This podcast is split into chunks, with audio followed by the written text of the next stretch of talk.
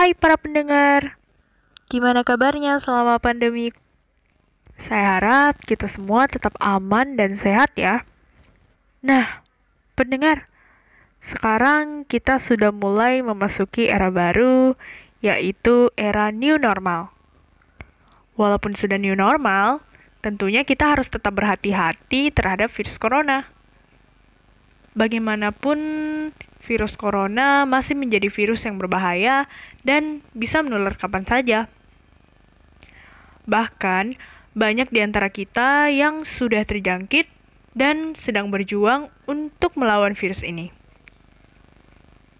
Sedangkan sebagian yang lain juga masih bertahan dan tetap memilih untuk mengurangi aktivitas di luar rumah demi mencegah terjadinya penularan. Namun, pendengar, ternyata masih banyak juga yang tidak peduli dan malah menganggap virus ini tidak ada. Tidak mau mengikuti protokol kesehatan dan tidak mau melakukan physical distancing. Kalau pendengar sendiri bagaimana? Apakah Anda memilih untuk tidak mematuhi protokol kesehatan? Atau sebaliknya? Bagi pendengar yang masih berpikir bahwa virus corona itu tidak ada atau bahkan tidak nyata, saya berharap setelah mendengarkan podcast ini, Anda bisa merubah pola pikir Anda. Karena di podcast Stay Healthy COVID-19 Story Experience ini, pendengar bisa mengetahui bagaimana pengalaman dalam menghadapi COVID-19 secara langsung. Pengalaman ini dibagikan sendiri oleh salah satu pasien tanpa gejala yang juga merupakan relawan COVID-19. Beliau sempat dinyatakan positif, tapi akhirnya sembuh setelah perawatan dan karantina. Kira-kira bagaimana ya kisahnya? Yuk, kita dengarkan bersama-sama.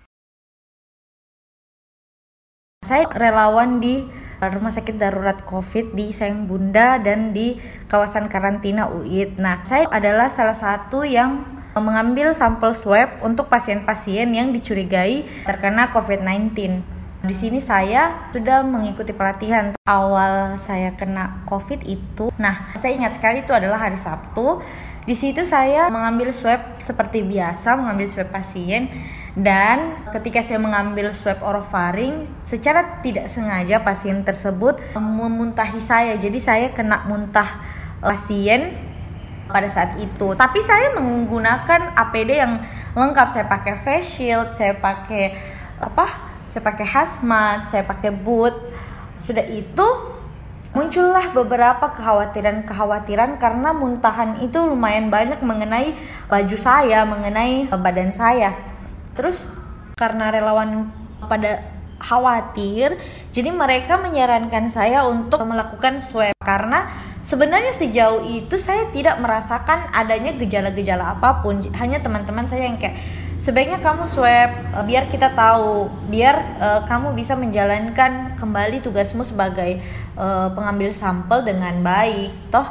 Uh, sehingga pada saat itu saya memutuskan untuk swab. Nah itu kan hari Sabtu saya kontak ya saya kena muntahan kami memutuskan untuk swab itu hari Rabu. Jadi kalau memang virus ini ada di tubuh saya, saya memberikan kesempatan untuk tubuh saya bereaksi dulu sehingga hasilnya bisa uh, akurat dan tidak ada ragu-ragu seperti itu. Jadi hari Rabu saya di swab, hari Rabu itu juga saya melakukan isolasi. Jadi memang aturannya adalah ketika kita dilakukan swab jadi kita harus uh, benar-benar sudah mengisolasi diri sehingga ketika hasil keluarnya positif saya tidak perlu takut lagi karena saya sudah isolasi sehingga saya tidak perlu takut lagi menulari orang-orang seperti itu. Jadi saya isolasi di rumah kemudian keluarlah hasilnya pada hari Jumat malam saya diinfokan bahwa hasilnya ternyata positif.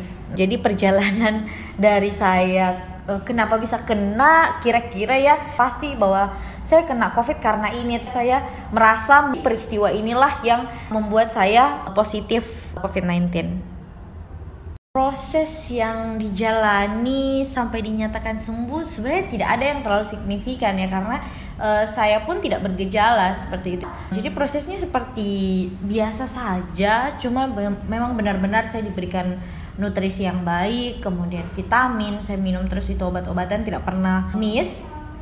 Sampai kira-kira seminggu lewat itu saya saya di swab kembali uh, hasilnya alhamdulillah negatif dan sebenarnya memang menurut peraturan Kemenkes itu ketika kita tidak ada gejala, jadi 10 hari setelah uh, swab itu kita sudah bebas uh, isolasi.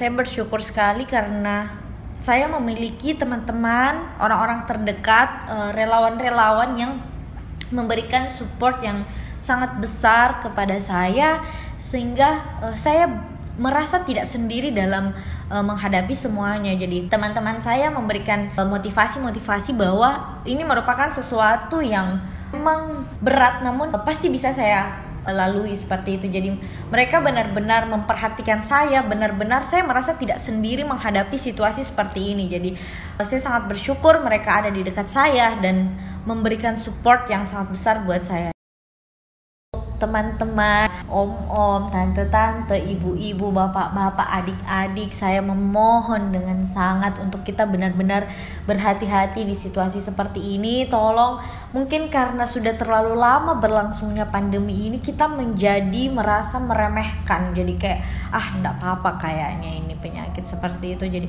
saya mohon boleh untuk uh, tidak terlalu takut, tapi tolong untuk peduli sama diri kita sendiri. Banyak yang sebenarnya orang-orang merasa ah tidak bergejala ji ini seperti itu. Jadi merasa bahwa penyakit ini sebenarnya tidak berbahaya. Tapi mungkin kita bisa lihat orang-orang terdekat kita, orang tua kita misalkan bagaimana jika kita kena, mungkin kita tidak bergejala namun kita menulari orang tua kita yang memiliki resiko ketika kena Covid bisa langsung parah. Apakah masih kurang bukti-bukti di luar sana berapa banyak orang meninggal karena penyakit ini kemudian banyak sekali tenaga-tenaga kesehatan yang drop yang bahkan sampai meninggal karena penyakit ini seperti itu. Jadi apabila ada yang mengatakan bahwa ini adalah sesuatu yang tidak perlu ditakuti atau sesuatu yang tidak perlu terlalu tidak perlu terlalu dipedulikan seperti itu menurut saya itu adalah pendapat yang kurang baik ya karena kita sebagai tenaga kesehatan sudah sangat menguras waktu kita. Bahkan kita mengorbankan kesehatan kita pun untuk membantu menangani penyakit ini pandemi ini. Namun ketika ada pendapat seperti itu sepertinya sedih ya. Teman-teman sejawat banyak yang kolaps banyak yang meninggal. Bahkan guru-guru kami banyak yang meninggal gara-gara penyakit ini. Apakah itu belum cukup bukti bahwa ini memang ada dan berbahaya bagi orang-orang yang memiliki resiko tinggi seperti itu dan saya banyak sekali melihat orang-orang di pasar di jalanan berkumpul tanpa menggunakan masker tidak social distancing tidak physical distancing tidak adakah ketakutan untuk kehilangan orang-orang yang kita sayangi? Tidak adakah ketakutan kita menulari orang-orang yang tidak bersalah? Apakah kurang Hmm? Itu sebenarnya pertanyaan yang apa ya, yang berada di kepala saya ketika kita menyayangi orang, bukankah kita terlalu egois untuk tidak memperdulikan aturan-aturan yang sudah dibuatkan oleh pemerintah seperti itu. Jadi saya minta tolong sekali tetaplah social distancing, tetaplah physical distancing. Ketika kita harus untuk keluar rumah, it's okay, tapi kita harus pakai masker, kemudian jaga jarak Lalu ketika kita pulang ke rumah, kita mandi dan sering-sering cuci tangan karena sebenarnya itu adalah yang paling penting kita pakai masker, kita cuci tangan dan kita jaga jarak. Sebenarnya itu sudah sangat membantu untuk pencegahan tambah banyaknya orang yang kena penyakit ini seperti itu. Bayangkan apabila kita cuci tangan ataupun jaga jarak terhadap satu orang dan pakai masker terhadap satu orang, kita sudah membantu mencegah orang itu untuk menularkan kepada orang lain.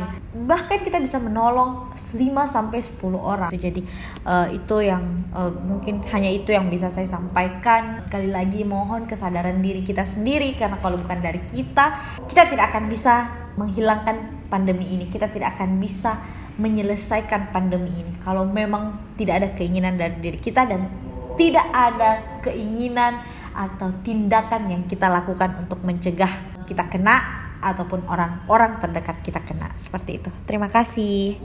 Baik, terima kasih kakak relawan yang sudah berbaik hati mau membagikan pengalamannya kepada para pendengar. Pesan-pesan yang disampaikan juga sangat bermanfaat ya bagi kita semua. Saya harap di era new normal ini, kita semua tetap bisa melakukan physical distancing, tetap menggunakan masker saat beraktivitas di luar rumah, sering-sering mencuci tangan menggunakan sabun, dan yang terpenting, jaga kebersihan. Dengan menjalankan protokol kesehatan, kita bisa mencegah penularan COVID-19 ini, sehingga kita bisa melindungi diri sendiri maupun orang-orang yang kita sayangi. Dengan harapan agar masa pandemi COVID-19 ini akan cepat berakhir.